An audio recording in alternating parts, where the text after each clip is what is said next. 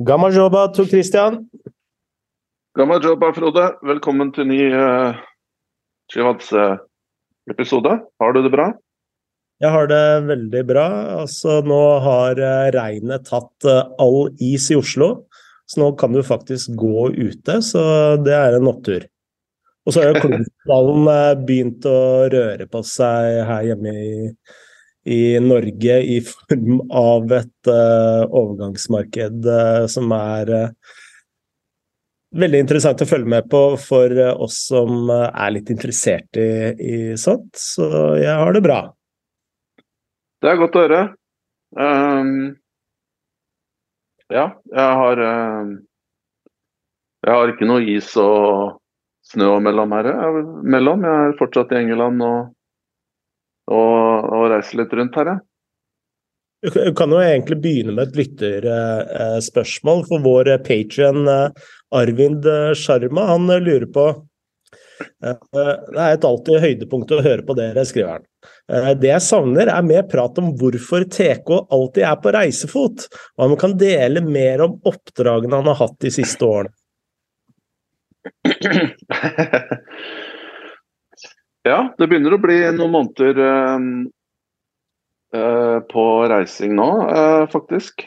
Um, først så kan jeg vel si at det er noe jeg har øns ønsket å gjøre siden jeg takka for meg i start. Det blir jo da tre år siden.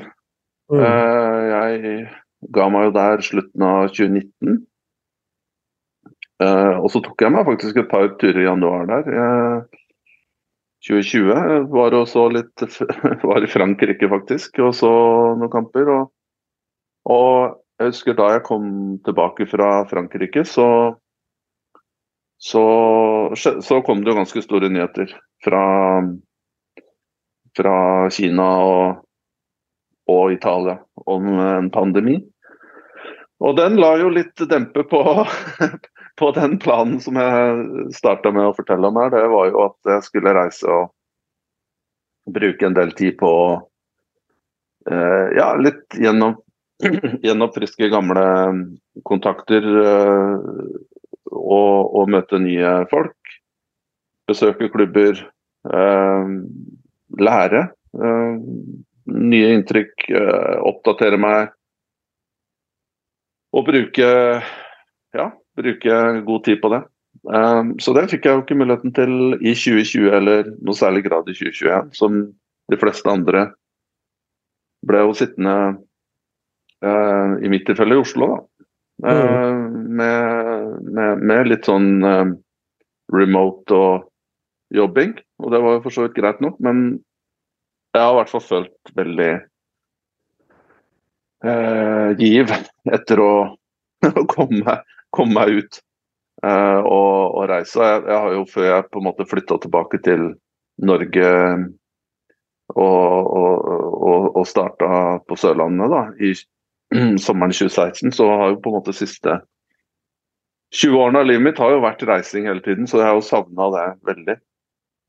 Så det er egentlig det. Um, og det Ja. Um, jeg Det handler jo mye om um, ja, pleiekontakter, selvutvikling, som jeg var inne på her. Oppdatere meg, lære mer. og Um, og, og, diverse oppdrag. Det, det, er jo ikke ting jeg alltid kan gå ut med. Det er jo um, skal vi si, Det er jo ikke alle som er like begeistra for at uh, at det kommer til syne eller i offentligheten at man bruker eksterne folk da, til verken å se på spillere, eh, se på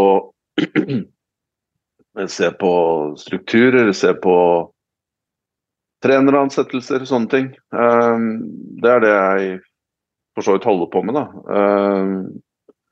I lengre eller kortere durasjon på de oppdragene. Og imellom det så så ja, reiser jeg og ser kamper òg, men det er jo som sagt det er en blanding. Og så har jeg jo i tillegg media.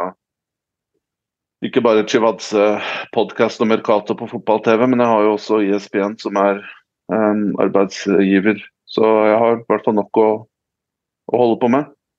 Mm.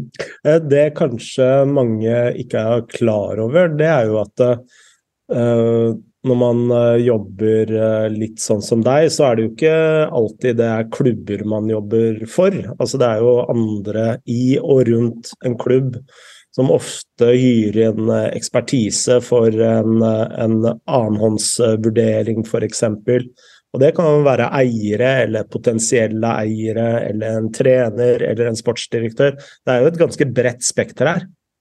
Ja, det er helt riktig, og det er viktig at du, du nevner det. Um, det er jo sjelden du uh, Det er jo sjelden at uh, en, um, en sportsdirektør eller en, en ja, CEO Det kan vel kanskje skje, da. Men det er jo i større grad uh, de håper å si, upstairs, eller folk som er tilknytta klubben, på en måte, som du beskrev ganske bra der, som er de som, som uh, tar initiativ til, til eksterne vurderinger. Mm. så det er helt riktig, Frode. Du snakker om at du liker å, å reise for å lære nye ting.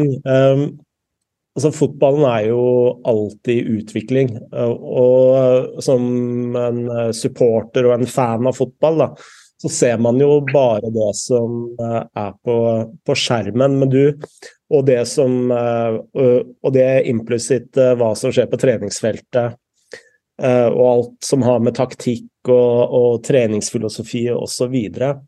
Men når vi snakker om det som eh, skjer på bakrommet, og da tenker jeg ikke nødvendigvis om uh, statistikk og hvordan man uh, rekrutterer. altså uh, Hvordan er det fotballen går videre innenfor liksom forretningene fotball?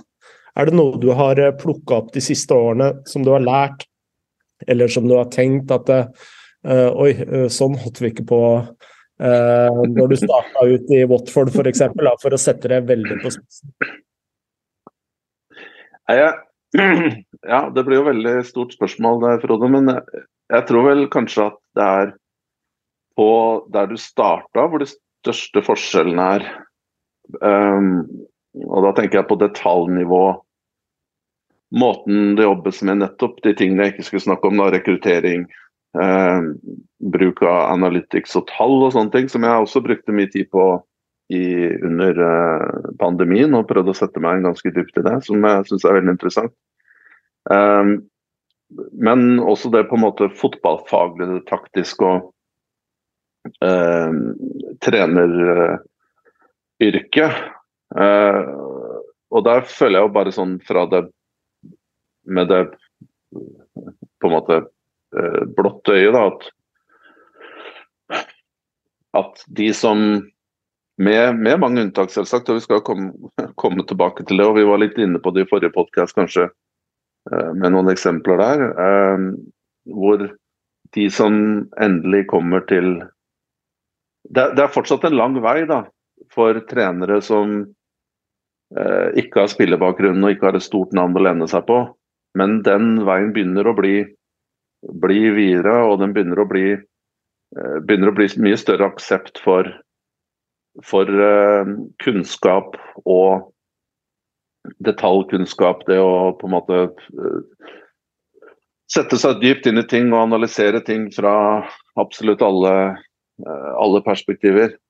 Mm. Det, det, det, var ikke så, så Så det har gått fra på det liksom, diskusjoner rundt det taktiske føler jeg har gått fra pubprat eh, i garderoben, eller holdt på å si trene, ikke trene garderoben, det er ikke der de samtalene utføres. Men diskursen rundt fotball innad i en klubb, den har, den har utvikla seg veldig. Fra, som jeg sier, fra nesten pubnivå, hvor alt eh, og, og mye emosjoner, til at det har fått en mye mer vitenskapelig edge. Uh, og den inputen og kvaliteten på meningene og tankene er mye, mye klarere og har en mye stødig retning enn det det hadde. Uh, nå er det ikke jeg sånn at jeg har jo hatt sånne oppdrag tidligere og, og har fortsatt det. Det å analysere trenere og sånne ting, det er jo også en, et område som begynner å vokse fram. Jeg har også hatt noen samtaler med andre som, som driver litt med det samme. Utveksler litt erfaringer og sånne ting. Mm. Hvor man på en måte ser og observerer trenere lager stor dossier på, eh, på, på alle aspektene av en trenergjerning og sånne ting. Eh, det kunne man ikke forestille seg eh, skjedde i, eh, i på, på, på, 90- eller 2000-tallet. Det, det, er ganske nytt.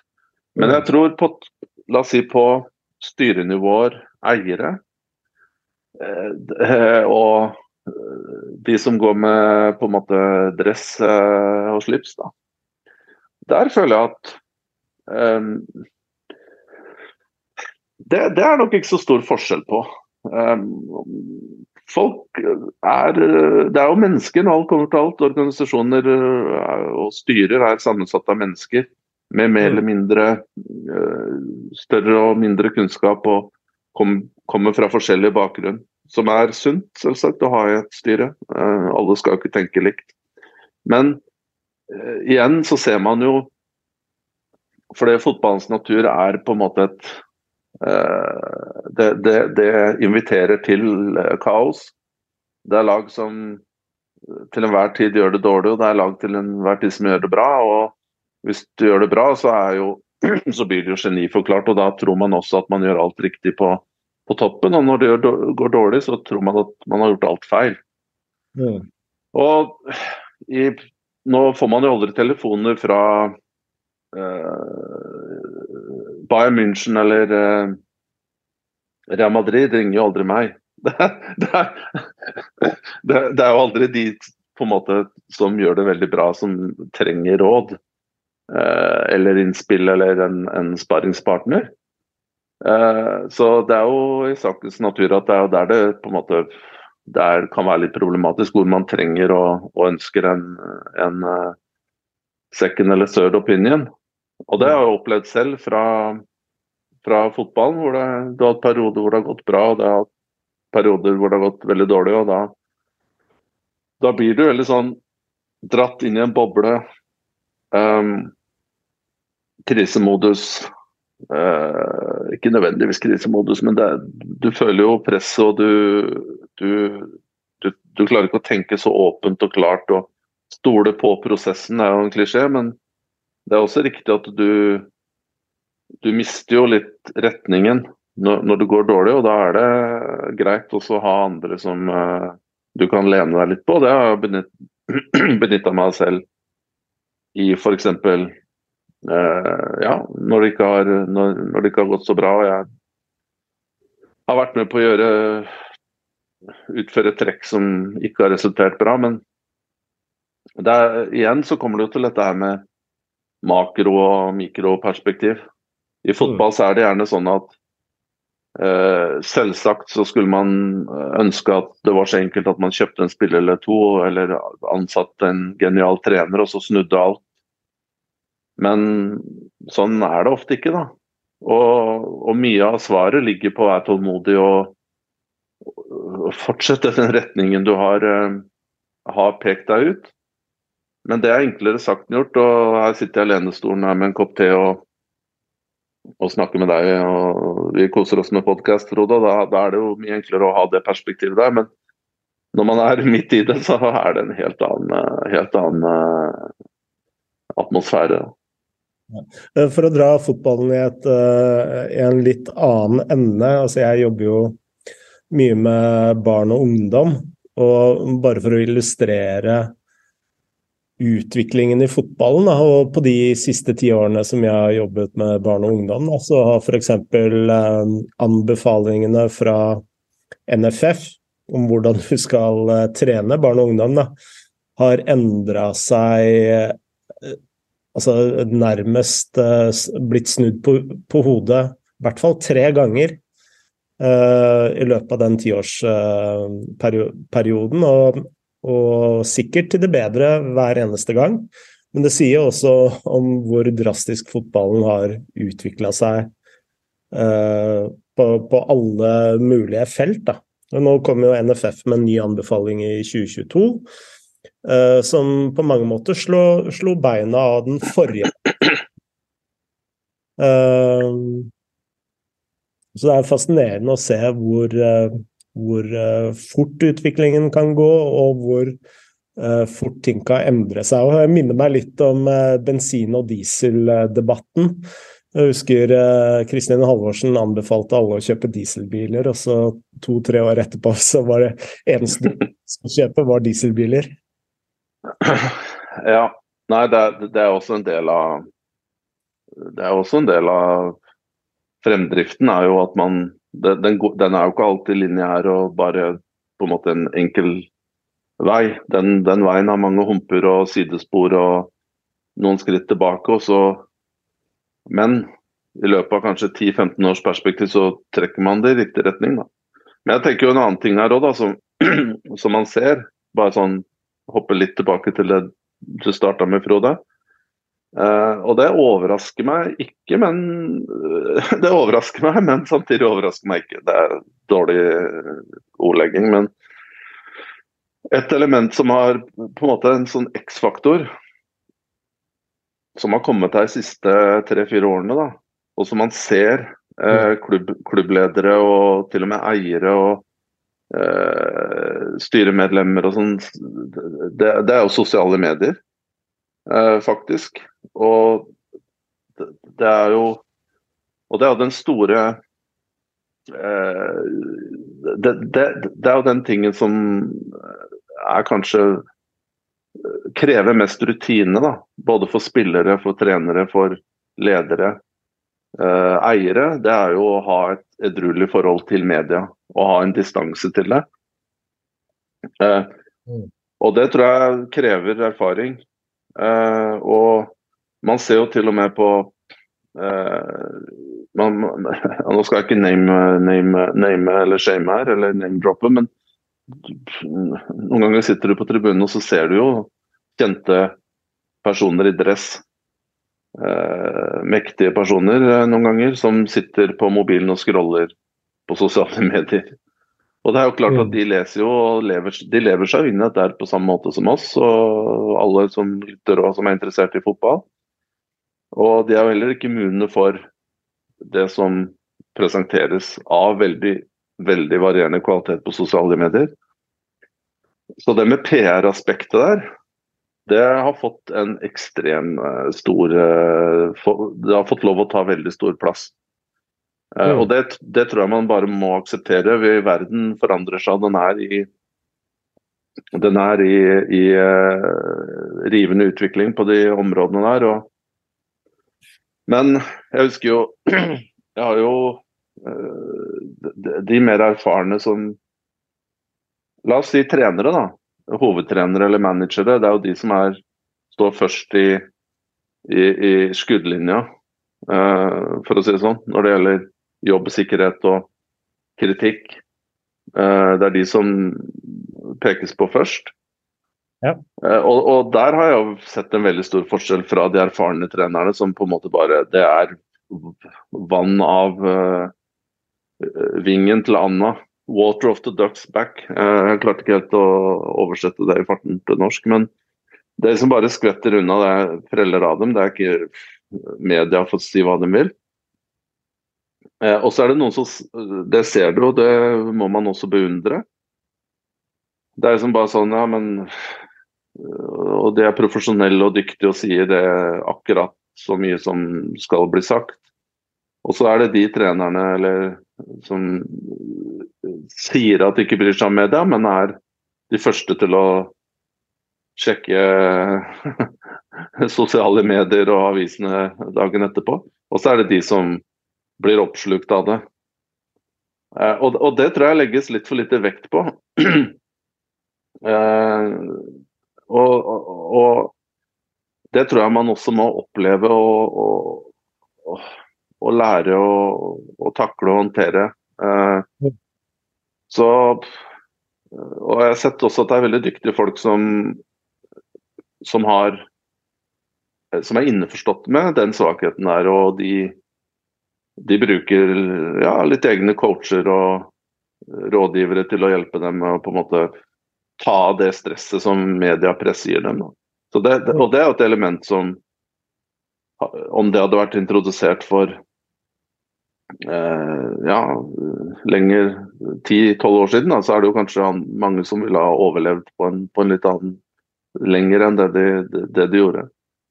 Så det er, det er, jo en ekstremt komplisert verden, og det å få noe til å lykkes, eller Det, det er så liten eh, små marginer her også mellom å, å, lykkes og ikke lykkes.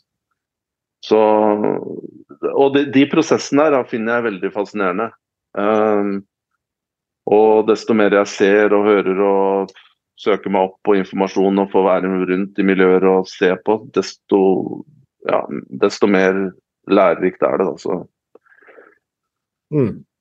Jeg syns eh, det du nevnte med små marginer, det er veldig interessant. Uh, fordi i går så hadde NRK Sportsrevyen et innslag med tanke på en rapport NTF nylig har utgitt. Og den handler om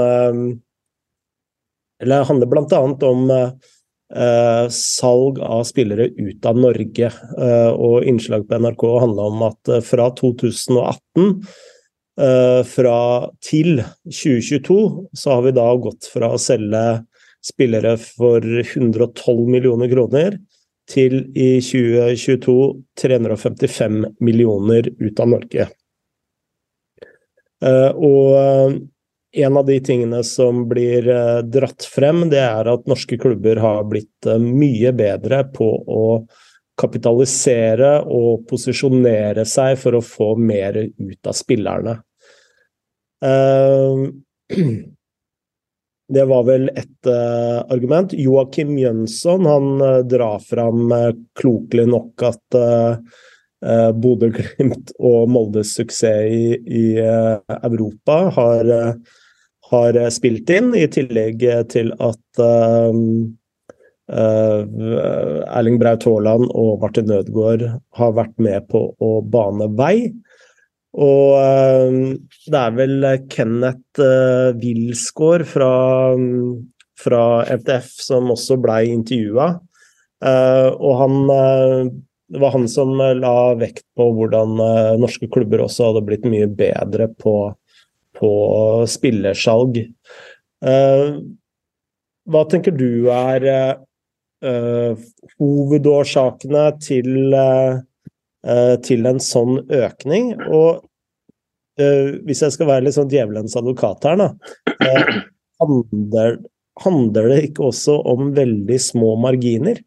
man er vel et forfana-salg f.eks. For unna til at det plutselig ikke er så imponerende allikevel? Uh, ja. Jo, det kan man jo for så vidt si. Men det Fofana-salget er vel ikke med i ligninga der. For det jeg vet ikke. Det ble vel Teknisk sett så skal jo det telle for 2023, da. Uh, og Samme gjelder jo Tengstedt som er på vei nå til Benfica. kan vi jo komme tilbake til. Men uh, men samtidig, et salg er jo et salg. Altså, vi kan jo på en måte liksom ikke begynne å redusere Ta vekk han, ta vekk han. nå, er det jo sånn det er, på en måte. Og øh, da må vi begynne å gjøre det samme fra de andre landene. Da, for å på en måte korte ned statistikken i andre land også. Så, så det, det, vet jeg ikke. Men, men jeg er jo enig med Jokke eh, Jonsson som selvsagt Europa er viktig. Eh, helt klart. Eh, mm. Ikke bare på eksponering og at spillerne får vise seg fram mot bedre motstand og i, i, en internasjonal setting, men, men også at uh, Europaspill gir økte inntekter.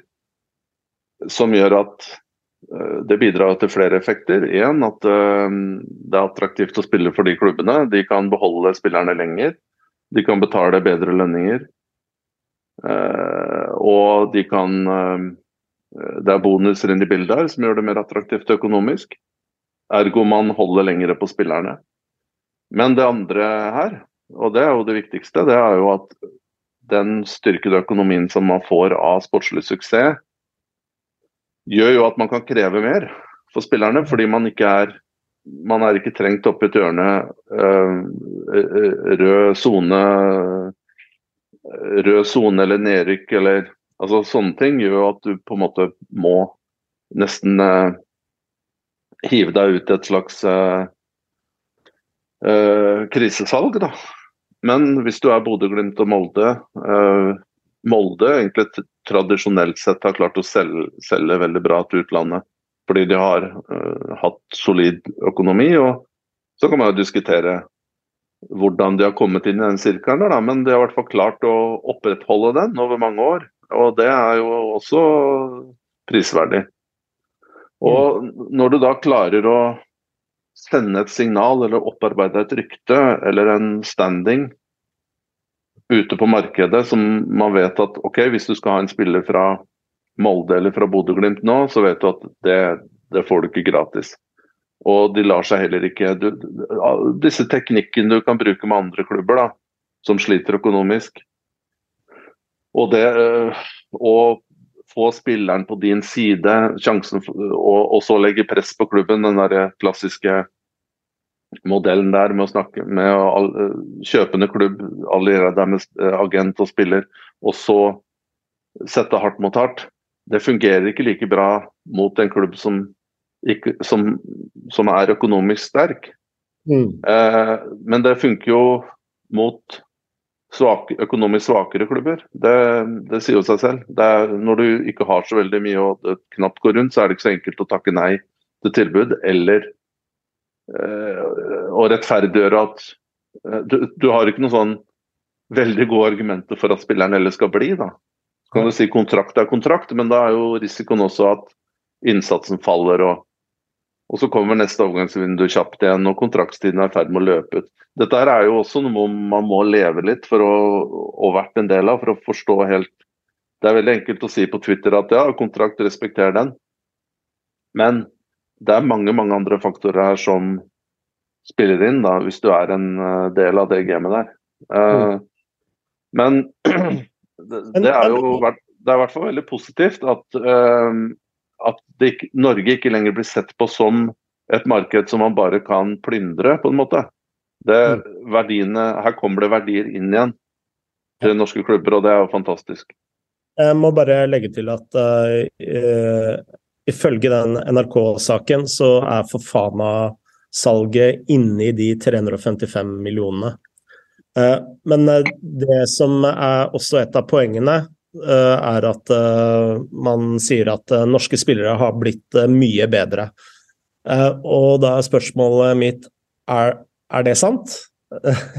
Eller er det andre ting Altså, jeg sier ikke at det ikke er sant, jeg bare spør. Er det andre momenter som f.eks. Um, valutakurset har vi jo snakka om tidligere. Uh, agenters rolle tenker jeg er jo helt uh, helt vesentlig her, og det er jo en, en ting man aldri nevner. At uh, hvis vi tar for oss Fofana-salget, da f.eks. Det er jo en spiller som blei henta en agent. Jeg tror det ikke var en klubb som hadde vært nede i Senegal og, og, uh, og scouta denne spilleren spesifikt. Uh, nå vet jeg at altså, veldig mange agenter har jo et veldig dårlig rykte, men vi må jo også i rettferdighetens navn dra fram eh, når eh, de er med på å skape verdier. Og sånn, sånn jeg ser det, så har jo uh, agenten til Fofana vært med å skape en verdi her. Uh, men det blir kanskje ikke like ofte trukket fram, tenker jeg. Nå, nå, nei, det, det, er et, det er også et element, det. og agenter bidrar også til å eh, promotere spillerne. Til å, I det tilfellet med Atan Eke, som er også dyktig i screening, altså i den første scouting-fasen. Uh, så når man reiser med Atta Aneke, jeg har aldri gjort det, men uh, jeg har hørt også andre at hvis man reiser til, til uh, Vest-Afrika med han, så har har disse spillerne som man får se på og vurdere, de har allerede blitt på en måte forhåndsscoutet av, av andre i systemene. Så han har vel en fulltidsscout i, i området, så vidt jeg vet. I hvert fall én. Uh, men jeg, jeg, tror nok, i rettferdighetens navn, så tror jeg nok Molde var og kikka på Fofana i Elfenbenskysten. Ikke, ikke Senegal, bare for å, bare for å ha presisert det. Så jeg, jeg, tror nok de var og, og så. Uh, og, og, Molde er jo en av de klubbene som har, vil jeg si, vært veldig tydelig på at de, de er ute og, og, og scouter og, og, gjør en grundig forhåndsjobb der.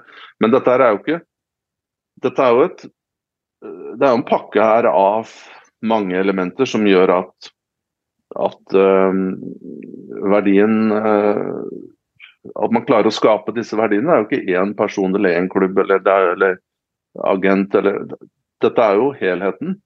Men mm. man må også si det veldig sentrale her. Det er jo at Molde hadde tålmodighet med Fofana. Og det er det ikke andre nødvendigvis eh, gitt at andre norske klubber hadde gjort det samme. At, og Molde har et, en veldig god tankegang på med tanke på at eh, Og sånn har det jo vært så lenge jeg kan, i hvert fall de siste ti årene, at hvis de henter uh, talenter fra i det tilfellet er Afrika, da. Eller andre steder. Molde har jo også solgt amerikanere, og de har solgt uh, svensker og en og andre uh, til, uh, til, Europa. Men når de henter unge spillere fra utlandet, så er de jo klare på at de her skal få spilletid.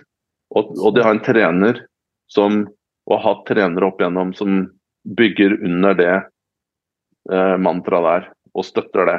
Og det der er jo fryktelig viktig. Men når det er sagt, så er det også Molde er jo privilegerte, da. For det, det er vanskeligere for Vålerenga å gjennomføre det. Fordi det er en helt annen atmosfære rundt klubben. Presset er mye større, det er mye mer oppmerksomhet. Eh, og de, altså økonomien, de, de, Ja, vi kan jo bare se de siste årene, da. Bare ta Vålerenga som eksempel. Så er det på en måte liksom sånn det, du, du føler ikke at det er et solid fundament som som, og et solid konsept som gjør at de som jobber med det sportslige, har, eh, har ideer som de får lov å på en måte leve eh, fritt ut. Mens Molde virker veldig sånn har et klart konsept. og selv om de ikke skulle vinne serien et år, som de ikke gjorde i fjor, Bodø-Glimt vant to år på rad, så er det liksom ikke full krise i, i, i Rosenes by.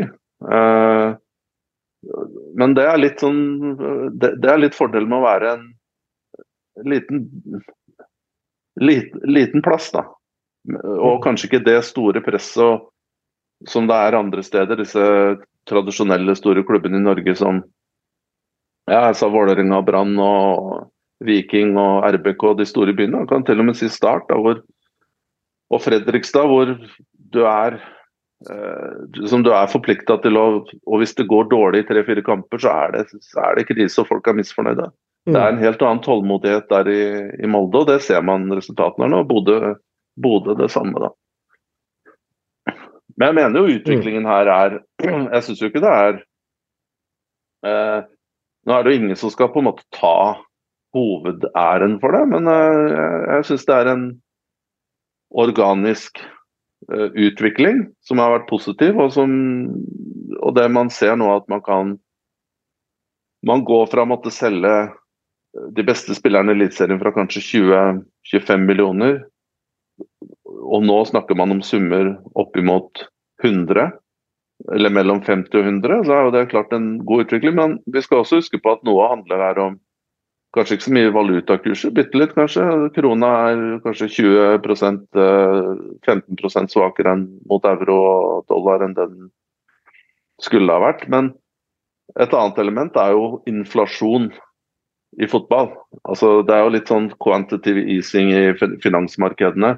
Pengetrykking som gjør at på en måte aksjekurser og alt det er, det er så mye penger i fotball nå at det driver generelle spending power opp overalt.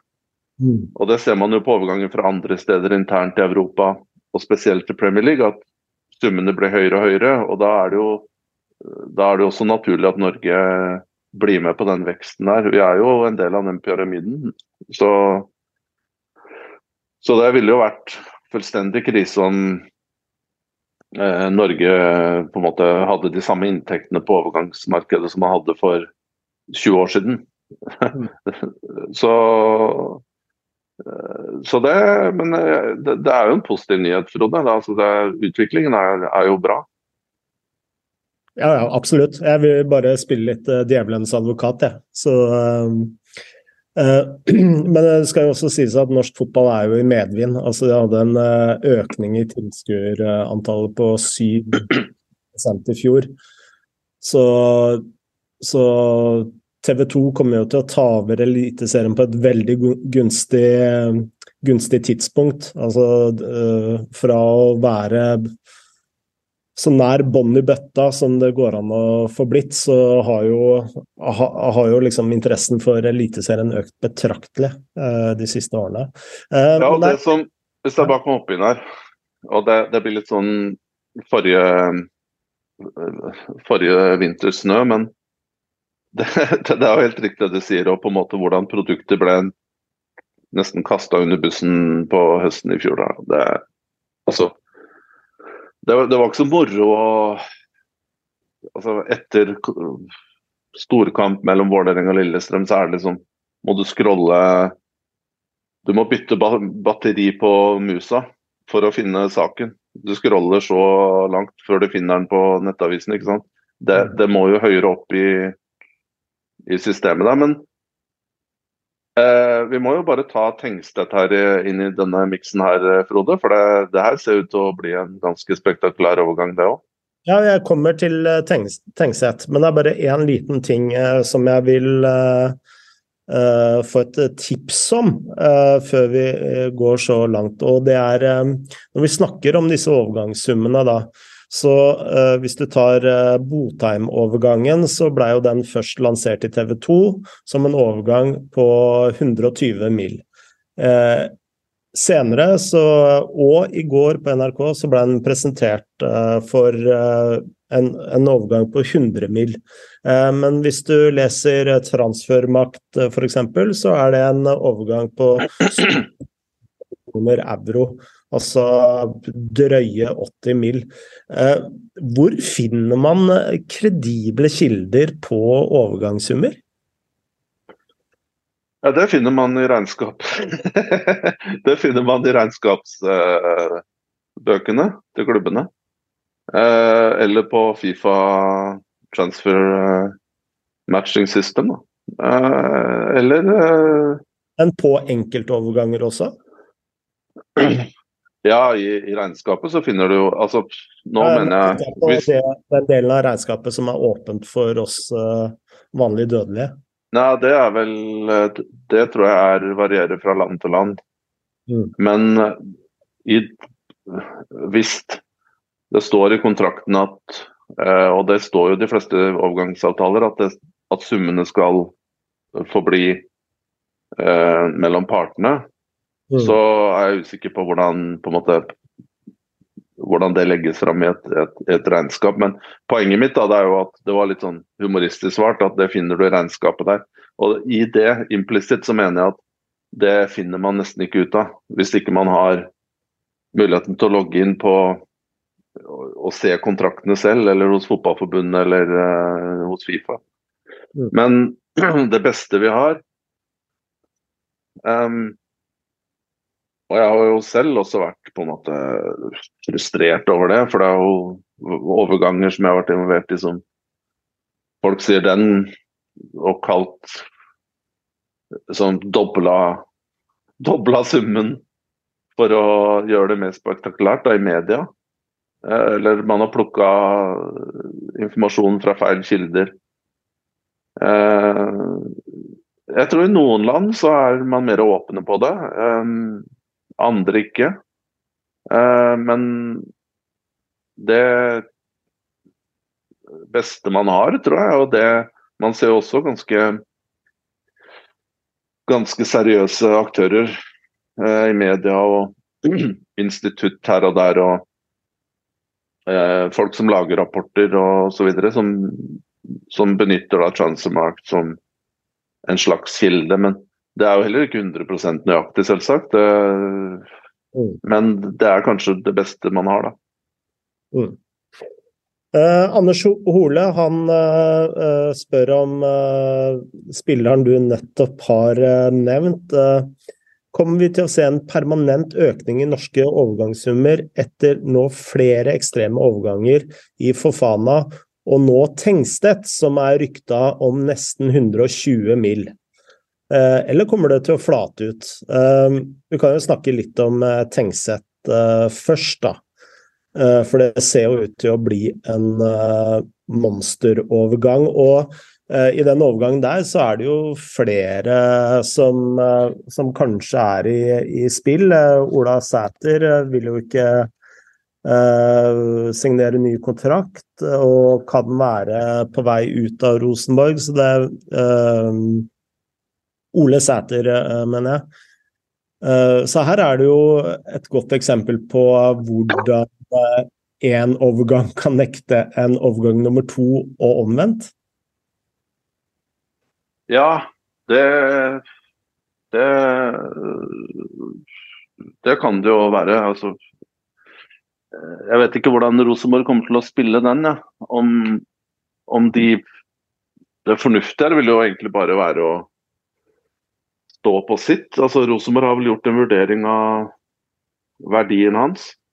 Mm. Uh, og hva han burde ha i lønn uh, i henhold til uh, I henhold til spillerstallen og hans verdi, da, viktighet for, for Rosenborg. Mm. Men det er jo klart, det er, det er vel også kanskje vært budsjetthensyn som har gjort at de ikke har kunnet tilby en bedre avtale. Det vet jeg ingenting om. Men hvis de har hatt en verdi Eh, gjort, gitt han et tilbud på bakgrunn av den verdien som de mener han har, så, så er det jo ikke noe grunn til å, til å øke den så mye. Da. Men det er jo klart Det er jo det, det åpner jo for et Det er jo et dilemma. For det, det er jo klart man trenger jo en en nier, og man trenger en midtspiss som kan skåre mål. og Nå går han som har skåret fryktelig mye mål til eh, Benfica. og uh, Det å finne da en Eh, en, eh, en mål, målskårer igjen på det åpne marked. Det vil jo koste enda mer. Men, mm. det, er, men det er jo en del Hva tenker du om Nei, jeg bare fullfører her. For det, det er jo det er noe som Det er jo noen prinsipper her da, som man også må holde litt fast ved. Det, det, har jo ikke vært en veldig sånn helt jeg har ikke fulgt den saken i minste detalj, jeg har bare overfladisk. Men etter min forståelse så har ikke det vært den mest ryddige prosessen. og Mye har uh, gått gjennom media og sånne ting. Uh, og det er jo klart uh, Det skal det jo ikke premieres for. Når, når, alt kommer til alt. Er det et sånn typisk eksempel hvor klubbene som oftest bare da setter seg på bakbeina? Ja, ja, hvis du hadde hatt uh, Alt handler jo om å ha backup og ha Forhandle fra et, fra et sterkt sted og fra en sterk posisjon. Men det har jo ikke Rosenborg lenger da. Når de, når, når de, kvitt, når de da selger Tengstedt, så er det jo klart at det Da er jo uh, behovet der igjen. Um, så Én ting er prinsipper og hardt mot hardt, men noe annet er jo pragmatikk. Da. At du skal ha et lag, og du, du, har den spilleren der, og du vet hva Ole Sæter eventuelt kan, kan, bidra med. Uh, og du vet også hvor tøft det er å gå ut på markedet og prøve å finne en, en, en ny angriper. angriper. Både Bodø-Glimt og Viking er jo eksempler på det samme der. Vålerenga til en viss grad, som også ser etter kanskje en, en nier. da. Så hva tenker du? Nei, jeg tenker at uh, Det pikante her uh, er jo at begge disse spillerne har jo samme agent. og hele denne prosessen med at forhandlingene nærmest blir gjort i media. Jeg tenker et par år frem i tid, da, fordi Rosenborg har jo alltid hatt et forhold til Jim Solbakken. Og nå, nå, viser det seg at det blir veldig mye rot og mye, mye, mye kokos. Så det er jo spennende på hva som skjer i den relasjonen der mellom Rosenborg og Jim Solbakken eh, fremover. Eh, men det jeg tror, det er at Rosenborg kommer jo til å melke Tenkseth for alt det er verdt. Eh, og eventuelt eh, bruke Ole Sæter som en eh, brekkstang Eh, for å eventuelt slik, slippe Tengseth. og det blir jo også en vurdering for agenten, og her kommer det jo rett og slett en dobbeltrolle inn i spill. Det er hva, hva, gjør du med Ole Sæter hvis du går glipp av så mye penger som agent ved at en Tengseth-overgang ikke kommer til å skje? Det er Nei, men Tengstedt vil jeg ikke blande inn i det her. Den, det, hvis, hvis, um, altså, hvis det er riktig at Benfica er villig til å gi 8-9 millioner euro, 10 som vi nevnt, altså mellom 80 og 100 millioner, så er jo det De kommer jo ikke til å holde på han. Og de kommer jo ikke til å spille det, det, blir jo ikke noe spill rundt det. Han, han forsvinner jo da. Det, moralsk sett så kan du ikke heller de kan, de, de, kan, kan, de, kan, jo ikke stå i veien for han da. Og, det, og for sin egen del òg. Du tar jo det du tar jo det vindfallet der. Det, så akkurat Tengstedt, den, hvis disse summene er riktige, så den kommer jo til å skje. Ut du tror Rosenborg ikke kommer til å si da til agenten at ja, altså vi selger Tengstedt for uh, så og så mye, hvis Ola Sæter fornyer? Nei, jeg, jeg, jeg, ser ikke Jeg ser ikke koblingen der. Fordi tenk, jeg, jeg, ser det som to separate Altså, jeg, ser det Jeg ser en viss kobling. Men Tengstedt og Benfica, den, den for meg er grei. Rosenborg kan det, det blir for dumt om de skal spille hardball om Sæter, eh, det, det, er jo ikke kredibelt. Altså Det styrkeforholdet der og på en måte verdien på, på dette her blir altfor stor forskjell her. Mm. Så Tengstedt må jo, altså den, den, kommer til å skje hvis disse summene er riktige, som jeg sier. og så er dilemmaet for, for, eller spørsmålet til Rosenborg om de ønsker å, å, å, gå litt tilbake og tilby CT mer. Mm. Ja, og, og, hvis ikke, så tipper jeg de bare sier nei, men OK.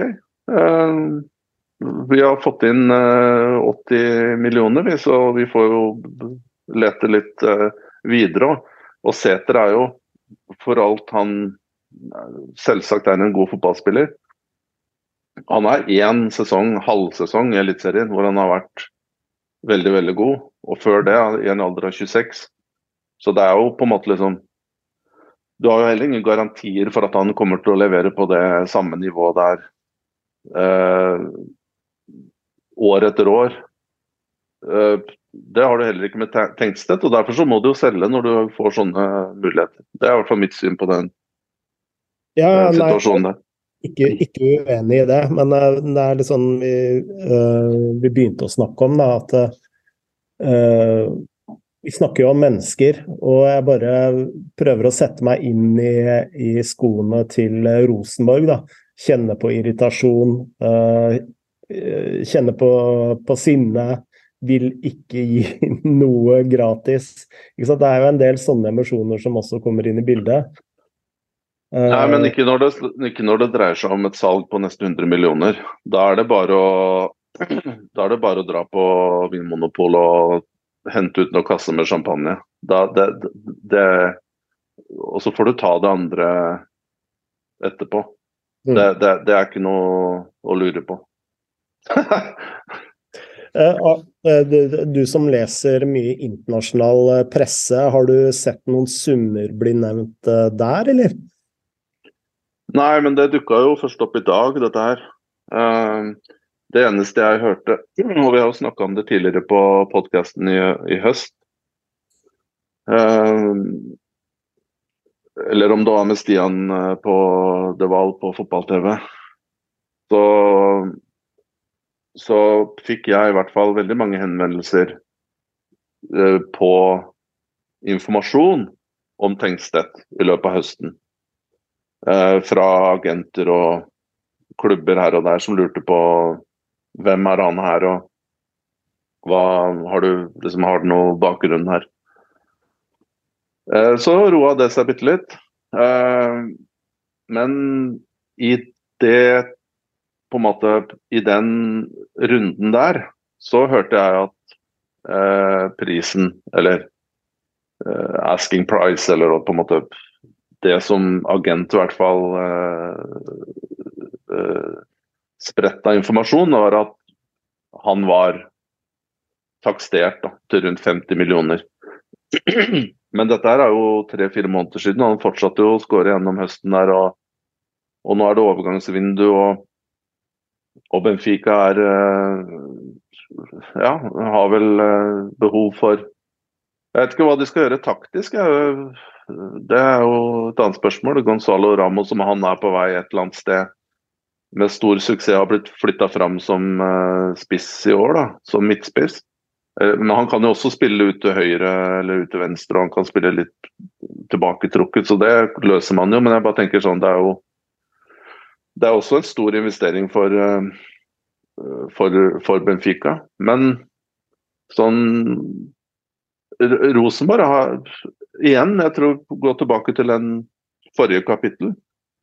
Um, nå er det jo Rosenborg har ikke vært i Europa i år, og pandemien har kosta, og tilskuertallene har vært lave osv. Så, videre, så økonomisk så, så har det vel kanskje heller ikke så fryktelig enkelt.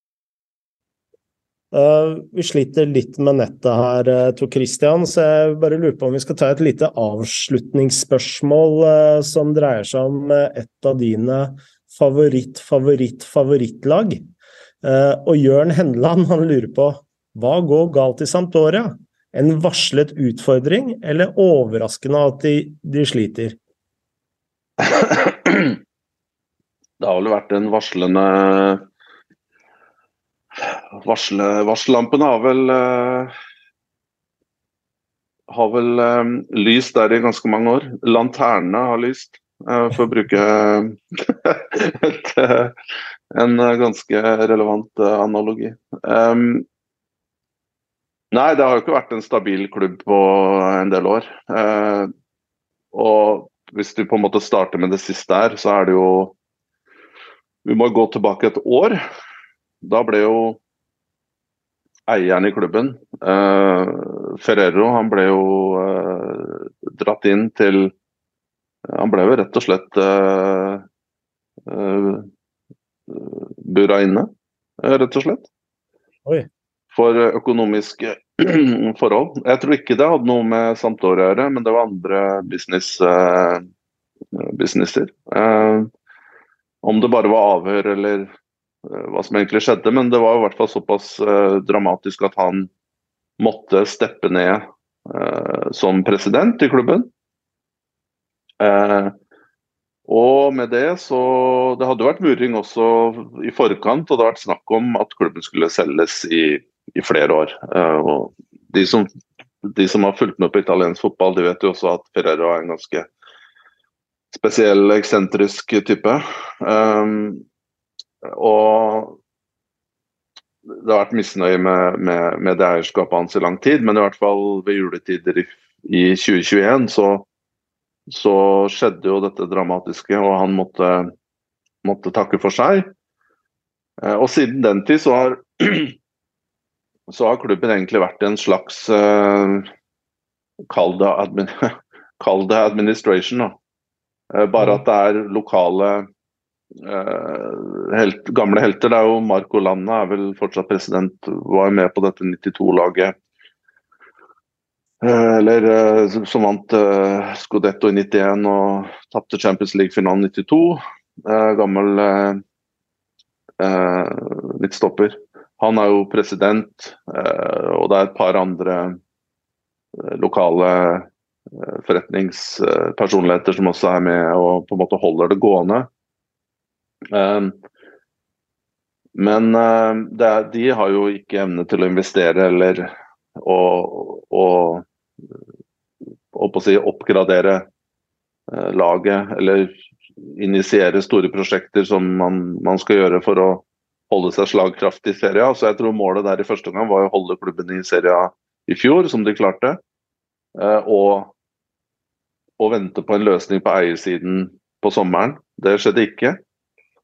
Eh, og så har man jo vakla gjennom hele høsten og uh, mens igjen nye samtaler om oppkjøp har pågått. Blant annet så var det jo en en uh, kongelig uh, fra Qatar, som visstnok var uh, aktuell til å kjøpe klubben. Det gikk veldig Det ble det fort stille rundt på, på, på, høsten her. Det hadde vært, ikke vært så veldig kanskje hyggelig om det skjedde. Men dette her foregår fortsatt, og det er jo familien til Ferrero som fortsatt sitter på eh, hovedandelen av aksjer eh, i klubben. Og det, de tilbudene som har kommet, da, kort oppsummert, dette er skikkelig italiensk eh, opplegg. Eh, men det som jeg har forstått, da, det som har kommet av tilbud, har ikke vært tilstrekkelig nok til at de er villige til å selge en stor nok andel. Ja, men Da er vi i mål, Tor Christian. Ja, det er bare beklager litt tekniske utfordringer der, men uh, vi har jo um, hatt en god uh, fotballprat, vi, Frode. Så håper jeg vi kommer på banen igjen neste uke med like god og hyggelig prat som det vi har hatt nå. Da sier vi som vi alltid sier her i Shivatse, gamma jobba og ha en fin uke.